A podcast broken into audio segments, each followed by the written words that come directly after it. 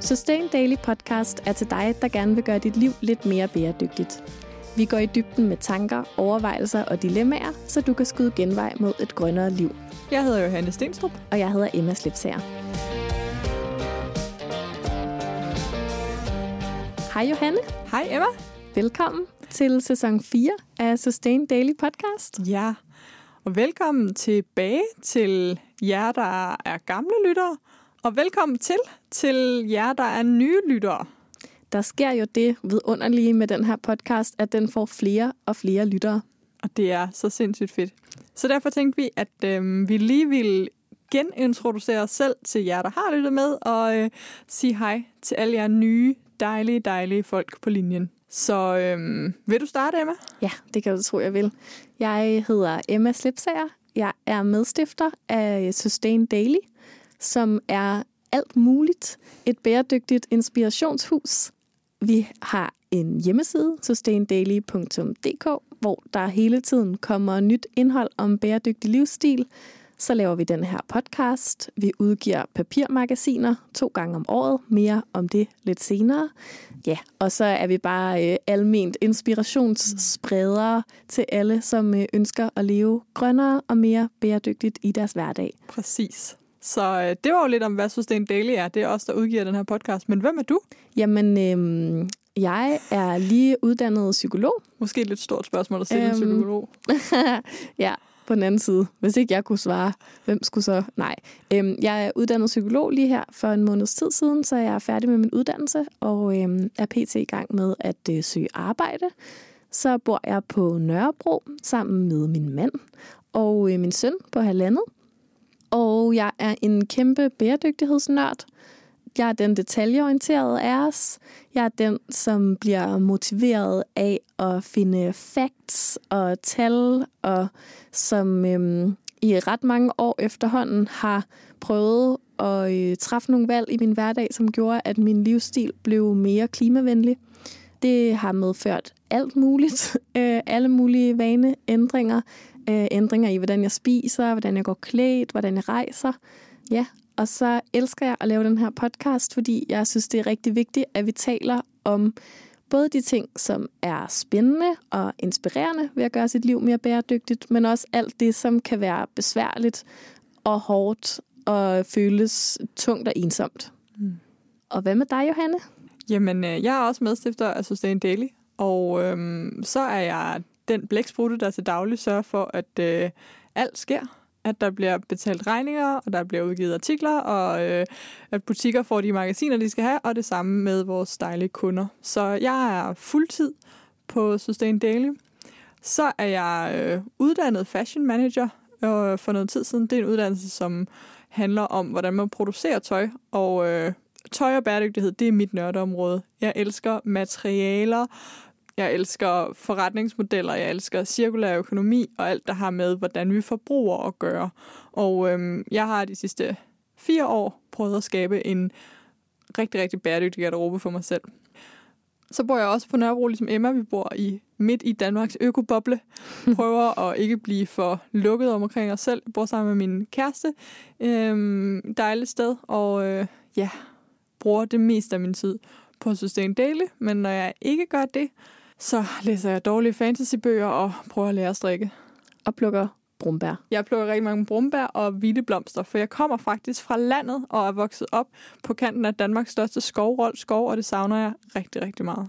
Så på mange måder lever vi lidt det samme liv, mm. men vi er også forskellige og har forskellige fokuspunkter. Og øh, det passer rigtig godt til vores tilgang til tingene i Sustain Daily. Der skal være plads til, at man motiveres af tal, eller at man motiveres af smuk mad, eller at man motiveres af at finde øh, mm. det par sko, som har det allermindste klimaaftryk. Så uanset hvad du derude motiveres af, så øh, velkommen til, og vi håber rigtig meget, at vi kan hjælpe dig til at finde ud af, hvad dit næste skridt mod en mere bæredygtig hverdag det skal være. Lige præcis. Vi prøver at holde de her episoder under en halv time, øh, fordi vi selv godt kan lide, at øh, det ikke bliver alt for tungt og langt. Men øh, vi må lige se, nu det er det første afsnit af sæsonen, og vi har sådan glædet os til at komme i gang. Så øh, Emma, hvad skal vi rigtig snakke om i dag? Jamen i dag, der skal vi rigtig snakke om Marie Kondo og hele øh, ryd op og øh, skil dig af med ting trenden. Fedt. Jeg elsker at snakke om ting. Det er bare mega fedt at være i gang med at podcaste igen. Det er det. Og til øh, sæsonens første afsnit Ja. har vi besluttet os for at dykke ned i en trend. Jeg har det lidt stramt med folk, som taler om bæredygtighed som en trend. Ja. Men lige præcis det her, som vi skal tale om i dag, det synes jeg godt, man kan betegne som en trend. I hvert fald måske som en hype. Det er noget, Ja. som lige pludselig har fået enormt meget opmærksomhed. Ja. Og det har det jo fået via øh, The Power of Netflix. ja. Det, vi skal snakke om i dag, det er øhm, Marie Kondo og minimalisme og oprydningstrenden, udrydningstrenden. Der har jo været minimalisme-trend længe, og vi har jo selv lavet filmvisninger med minimalism, a documentary about et eller andet, The Beauty of Living with Less, eller sådan, hvad det nu hedder. The important things, Ja. eller et eller andet i den En stil. øh, rigtig dejlig dokumentar lavet af to tossede amerikanere, som synes, at få ting er bedre end mange ting. Mm. Og det er jo skønt. Marie Kondo er ikke et nyt fænomen, men øh, her i starten af året blev der udgivet på Netflix en serie med øh, hende, og det er en japansk kvinde, Ja. som bor i Los Angeles, som tager rundt og hjælper folk med at rydde ud i deres ting. Og hvis man øhm, har hørt om den her Netflix-serie, som jeg tror rigtig, rigtig mange har, så øh, har man måske også hørt om, at den foregår jo i USA. Setup'et er ligesom, at øh, Marie Kondo kommer ud og hjælper folk, som har for mange ting, Mm. med at få ryddet op og dermed få et bedre liv. Ja, Og de mennesker, som er med i serien, de har rigtig, rigtig mange ting. Det må man sige. Og det er jo forholdsvis amerikaniseret, men nu har jeg set den, og jeg vil sige, jeg kunne godt tænke på danskere, der også har lige så mange ting. Det bliver jeg simpelthen nødt til. Mm. Mm. Og det, som øh, den søde Marie Kondo så kommer ud og gør, det er, at hun beder de her mennesker om at tage stilling til alt, hvad de ejer i en bestemt rækkefølge, og tage hver ting op. Og når de ligesom tager den op, så skal de mærke, om den sparker joy. Ja. Altså om den giver dem glæde. Mm. Og det handler simpelthen om at sidde med alle de sokker, man overhovedet har i den rodede sokkeskuffe, kig, mærke på hver enkelt sok, giver den mig glæde. Gør den det, kan den få lov at komme tilbage i skuffen, foldet på den rigtige måde. Gør den ikke, så skal den ud af ens liv. Mm. Og det er sådan i store træk KonMari-metoden. Ja, og hvis man så skal ud af ens liv, så skal man sige tak, og så smider man den ud. Ja. Og i virkeligheden er det rigtig meget det ved hele den her trend, som vi vil tale om Mm. i dag, fordi ingen tvivl om, at vi begge to også er en eller anden form for minimalister og har set lyset i forhold til det her med at eje færre ting. Ikke på nogen øh, ekstrem måde overhovedet, men, men øh, jeg tror, det hører meget med i virkeligheden til det her med bæredygtig livsstil, at man på en eller anden måde forsimpler Mm. sit liv lidt. I hvert fald, får i hvert fald skåret ind til, hvad er ens prioriteter, Ja. og hvad vil man gerne have og omgive sig med, og hvad, hvad giver værdi, tror jeg, øh, jeg i hvert fald relaterer bedre til en glæde Ja. i, i ens liv. Ja. Og jeg tror, det er meget vigtigt at skelne mellem æstetikken minimalisme og sådan funktionen minimalisme. Ja, hvad tænker du på der? Øh, der er ingen af os, der bor i sådan et øh, hvidvasket hjem, hvor øh, ingenting og øh, luftplanter i vinduerne og kun tre øh, skeer, fordi vi kun er tre mennesker. Mm. Eller sådan.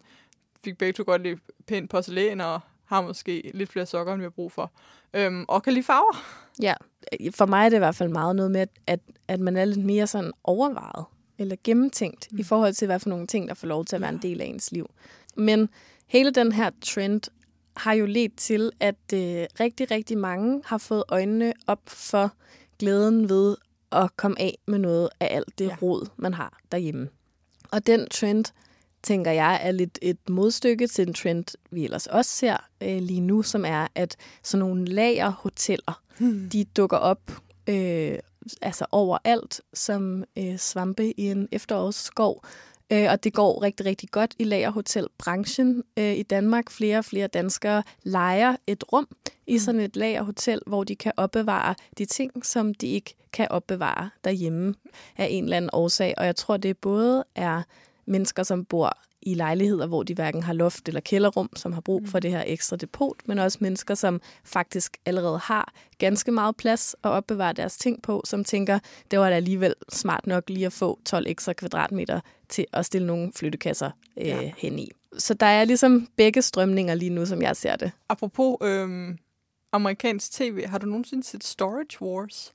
Nej, Nej. hvad er det? Det, det det, ser jo han rigtig glad ud i det ansigtet. er et øh, virkelig mærkeligt program, som øh, min kæreste er nyder at se, som er forladte storage units, rum i lagerhoteller, Mm. som så efter et vist antal tid, at de ikke er blevet betalt, så kan de blive aktioneret, så det er sådan nogle aktioner for at købe det crap, som andre folk har efterladt. Og så er det sådan en total øh, budkrig og krejlere, der render rundt over hele USA og køber folks efterladte crap. Det er simpelthen så sjovt, det kommer jeg bare lige til at tænke på, at om vi også kommer til at se det i Danmark, at vi efterlader de her ting, og så glemmer vi dem. For jeg tror, man glemmer, hvad man har. Og jeg, tror, jeg kan slet ikke se, hvordan at det, man har opmagasineret i flere år, kan blive ved med at have værdi i ens liv. Altså, Det er på en måde det omvendte af det her øh, med Marie Kondo og oprydning og udrydning og øh, væksmidning af øh, overflødige ting fra ens hjem. Fordi der er ingen tvivl om, at Con Marie, hun ville jo ikke synes, at øh, det var i orden. At alt det, der ikke lige sparkede joy, det blev sendt på lagerhotel. Øh, hun vil argumentere for, at det skal væk fra ens liv. Fordi ja. uanset hvor det så befinder sig, så ja. er det en belastning for en at have en hel masse ting, som man egentlig ikke øh, har noget at bruge til, eller synes giver en værdi.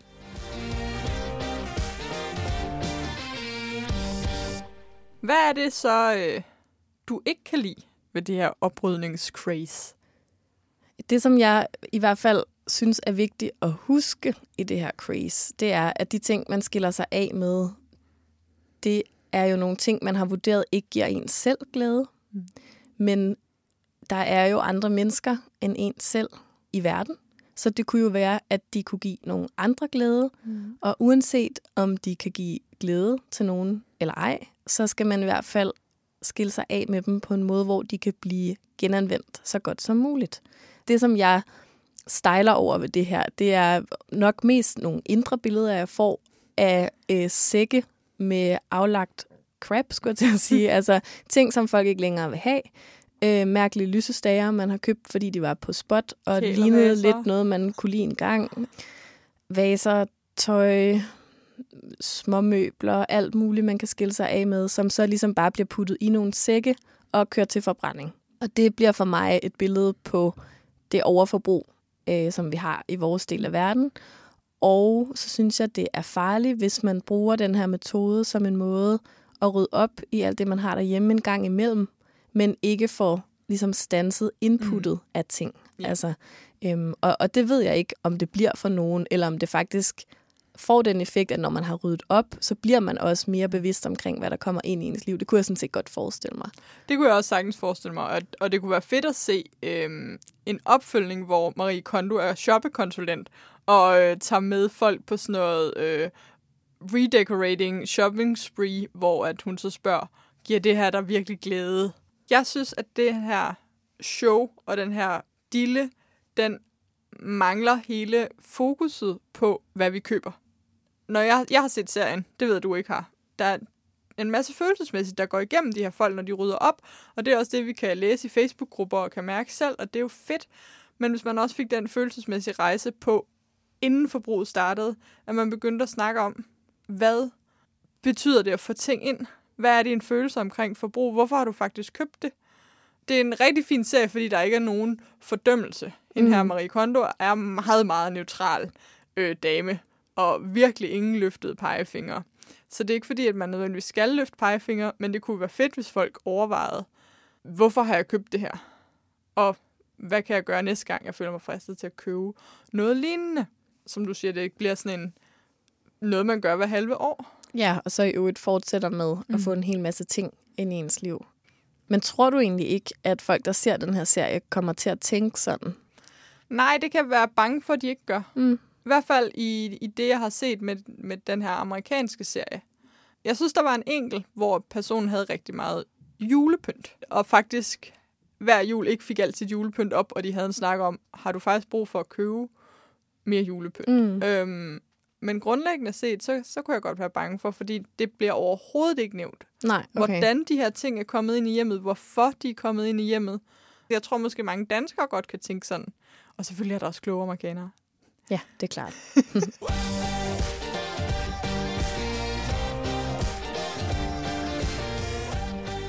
Og hvad med sådan øh, udspidningsprocessen Ja. i den her serie? Der sagde du noget, der triggede mig helt vildt meget. Og det var, at der er nogle andre, der kan få glæde af vores ting. Og det er for mig en sandhed med mange modifikationer. Mm. Jeg er øhm, faldet lidt i Facebook-fælden med at følge en masse grupper. Og en af de ting, man tit kommer med, med til med Marie Kondo, det er ens bøger, for eksempel. Og der er rigtig mange, der tager sig sammen og får ryddet ud i deres bøger og har en kæmpe stak, som de har læst, og de har købt, og de har elsket. Og lange diskussioner om, hvad man så skal gøre ved de her bøger. Fordi rigtig mange genbrugsbutikker vil for eksempel ikke tage imod bøger Nej. fordi der ikke er noget salg i dem.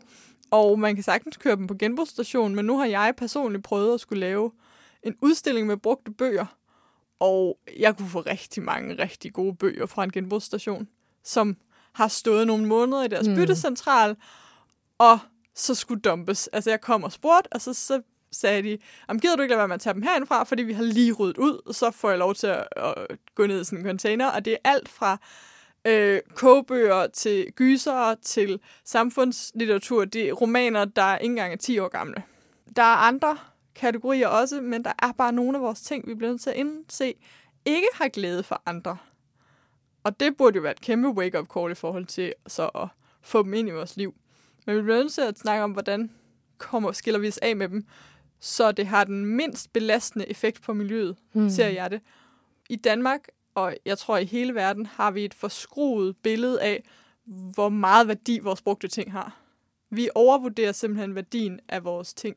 Altså det- vores egne ting, ikke? Vores Fordi egne hvis vi ting. skal købe noget brugt af andre, Ja, så vil vi ikke give penge for det. nej, præcis. så vil vi sgu ikke øh, betale for kvalitet.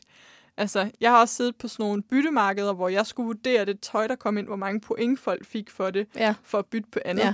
Og altså, at man skulle høre dem argumentere, ikke? Det her, det er jo, ah, men det kostede så meget for ny, og det er det her materiale, og, og så står man der med et par 20 år gamle hørbukser i en eller anden grim tyrkis farve, og siger, det er altså ikke noget værd i dag. Mm. Undskyld.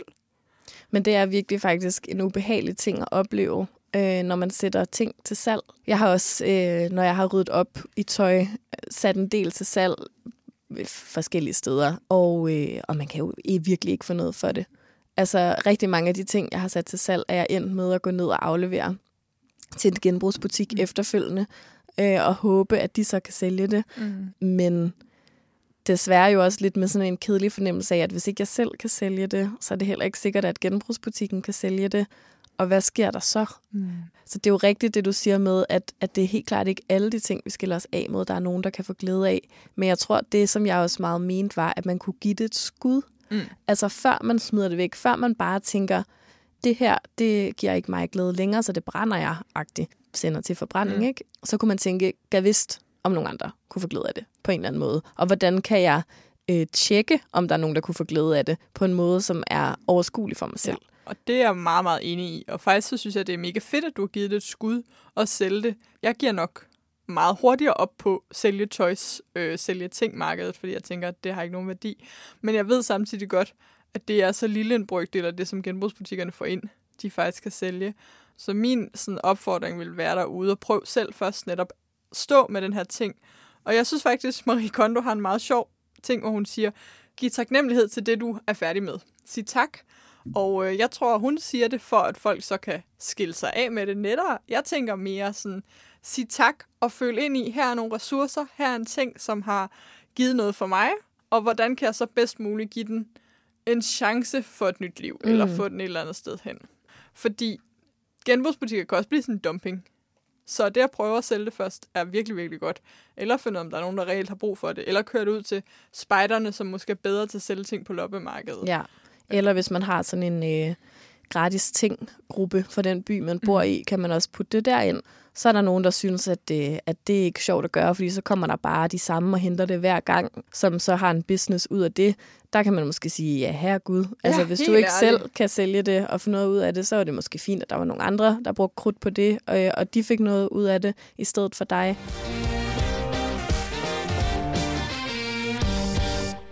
Kom lige til at tænke på, at jeg faktisk har et aktuelt eksempel på noget, som jeg prøver på at skille mig af Ja, med. Det kan være, der er en lytter, øh, der vil have det. Garanteret ikke har nogen værdi, eller jeg tror, jeg er kommet frem til. Ja. Jeg troede, det havde en værdi. Hvad var det? Det er en gammel computer. Ja. Som er ret gammel. Mm. Jeg skiftede øh, min computer ud lige mellem 17 og 18, hvor jeg købte en øh, ny brugt computer øh, i stedet for min gamle computer. Og øh, den gamle computer, den har jeg stadigvæk, fordi jeg er typen, som ikke får den tømt. Altså, så jeg har den ligesom liggende, fordi tænk, hvis der engang var en fil på den, jeg skulle bruge. Men så fandt jeg ud af, i forbindelse med, at jeg ryddede op, som man jo kan gøre, når man har afleveret speciale, og pludselig har en hel masse tid, at jeg også har min endnu ældre computer Wow. liggende. Altså, vi går to generationer tilbage ikke, i computer fra mit liv. Noget 10 år gammel. Ja, og den skal jeg jo ikke bruge til noget. Altså, og når den har ligget nede i sin kasse i fem år, mm. så er chancen for, at jeg nogensinde får den op af den kasse igen nok meget lille. Så har jeg prøvet at kigge på, så tænker jeg, at der må være en form for projekt, jeg kan give min computer til, som kan bruge den til et eller andet. Og det har jeg simpelthen ikke kunne finde. Nej. Det eneste, jeg har kunne finde, det er øhm, altså sådan en virksomhed, som jeg også selv har købt min brugte computer igennem, men de kan ikke bruge sådan en gammel computer, hvor skærmen jo ikke rigtig dur mere. Så bliver man opfordret til, hvis man søger lidt på nettet, til at sælge den. Der er ikke nogen, der gider at bruge, købe en computer, der ikke engang virker. Øhm, så jeg tror simpelthen, at det, det ender med med den computer, det er, at den kommer i elektronikaffald. Det er nok en rigtig god idé. Men det var faktisk lidt en øjenåbner for mig, det her med... Altså, fordi et eller andet sted en computer, det er jo en værdifuld ting, eller det vil man måske tænke. Altså, den har Mm. kostet mange penge, netop som du siger, dengang jeg købte den, og den er lavet af en hel masse øh, ædelmetaller og alt muligt, som er hævet op af jorden, jeg ved ikke hvor, og sat sammen, og den er en kompliceret Mm. mm. ting, den er en værdifuld ting. Den må der være nogen, der ligesom kan tage imod som en gave fra mig, ikke? tænker man. Den må jeg kunne give til nogen, der kan blive glade for den. Men det ser faktisk ikke ud til, at der er det. Andet end, at det selvfølgelig er rigtig fint så at give den i gave til elektronikaffaldet. Altså, Ja. hvor den så måske kan blive genanvendt, ja. eller i hvert fald dele af den kan blive genanvendt. Det får mig til at tænke på, at jeg tror, at der er nogle hvide mennesker i den her del af verden, som er rige og som har en masse ting. At vi tænker, at der må der være nogen, der er mindre privilegeret end os, der kan bruge vores ting. Jeg prøver virkelig at vælge nogle ord, som ikke får mig til at lyde dum og virkelig unuanceret. Men afrikanere vil heller ikke have dårlige øh, telefoner eller dårlig teknologi. Faktisk så øh, opstod MobilePay i Kenya. Det var det første land, der fik mobilbetaling. Det skal man jo bruge i hvert fald en mobil, der kan en lille smule til. Ja, især med vores gamle teknologi, som vi beholder så længe, så er verden virkelig rykket videre. Det får mig også til at tænke på en anden ting, som vi to tit har snakket om, det er det her med, at det er da synd, at det bliver til skrald, hvis vi har det liggende for længe.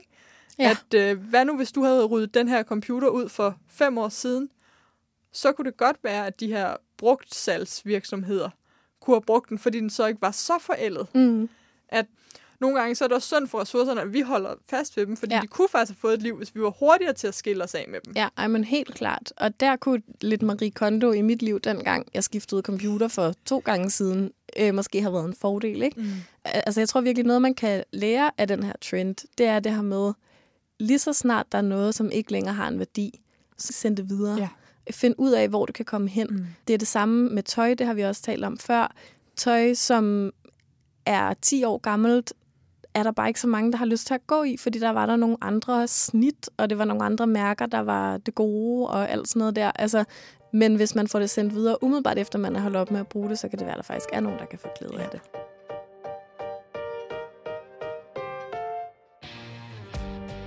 I Sustain Daily Podcast kan vi godt lide at snakke om udfordringerne, det der er svært ved det bæredygtige liv. Det har vi fået rigtig god feedback på, fordi I også synes, det er befriende, når vi siger, vi synes også, det er svært nogle gange. Lige præcis den snak vil jeg rigtig gerne tage med ud i virkeligheden. Og derfor har vi lavet en foredragstur, som hedder Det gode, forbandede svære, bæredygtige liv. Det er en tur, hvor vi starter i Aarhus og Aalborg og slutter i København med nogle nærværende, intime foredrag, cirka 30-40 mennesker i hver by, og du kan stadigvæk nå at få lidt. Det starter allerede fra på mandag, den 11. marts, hvor vi er i Aarhus. En billet koster 229 kroner, og for den får du altså både et foredrag og et magasin. Jeg håber at se rigtig mange af jer rundt omkring i landet, og hvis det bliver en succes, så kan du nok være sikker på, at vi kommer rundt i endnu flere byer.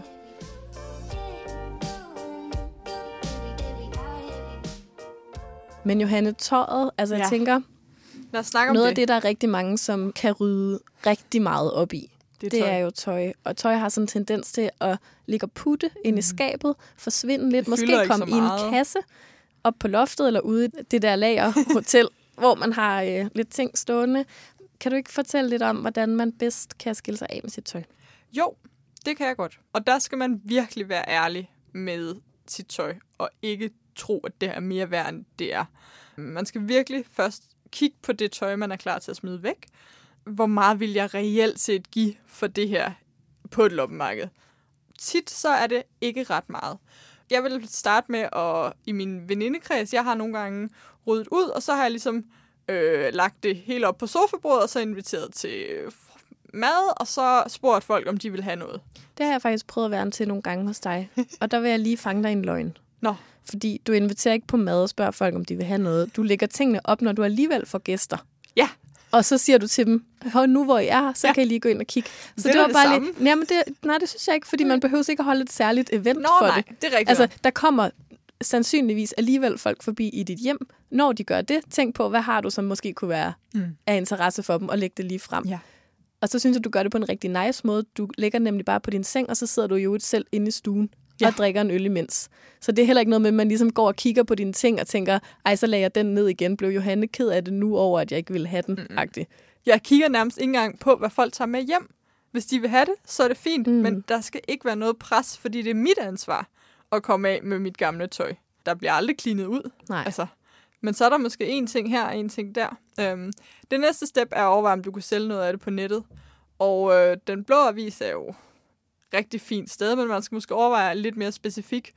Facebook Marketplace er blevet kæmpestort. Tradono, måske hvis det er børn, så reshopper. Eller overveje, om der findes specifikke grupper til det her, du sælger. Jeg har for eksempel erfaring, god erfaring med at sælge økologisk tøj i en gruppe, der hedder salg og køb af økologisk tøj til voksne. Ja, så jo Øhm. mere specifikt man kan gøre det, jo bedre. Præcis, og der forstår folk bedre værdien i, at noget er økologisk. Og så vil jeg sige, sæt en pris på det. Jeg hader, når folk skriver byd. Og husk, at det meste brugtsalg kan altså kun sælges for sådan noget 30-20 procent af nyprisen. Især hvis det har været bare en lille smule brugt. Det er faktisk virkelig utroligt, så hurtigt ting mister værdi. Ja. Det mister 50 procent af værdien, så snart du tager det ud af butikken. Jamen, det vil jeg gerne tro på. Jeg køber jo en hel del brugt børnetøj, Mm. og er du sindssyg, det koster ikke Nej. noget. Altså, og grunden til, at det ikke koster noget, er jo også, at folk ikke vil betale noget for det. Og som du også siger, eller som jeg lidt hørte dig sige, det her med, at, at der er så meget, Mm. at den enkelte ting er ikke noget værd, fordi brugtmarkedet er enormt. Og man kan jo vælge at vrage. Ja. i det brugte tøj. Det er jo ikke sådan, at, at man er glad, når man finder noget i den rigtige størrelse. Nej. Altså man kan jo shoppe efter snit og farve og mærker og materialer brugt, ligesom mm. man kan gøre for Ja. ny. Der er virkelig, altså som kunde på brugtmarkedet, er der jo masser af muligheder, og det er virkelig et slaraffenland. Som sælger, der er man bare lidt mere lost.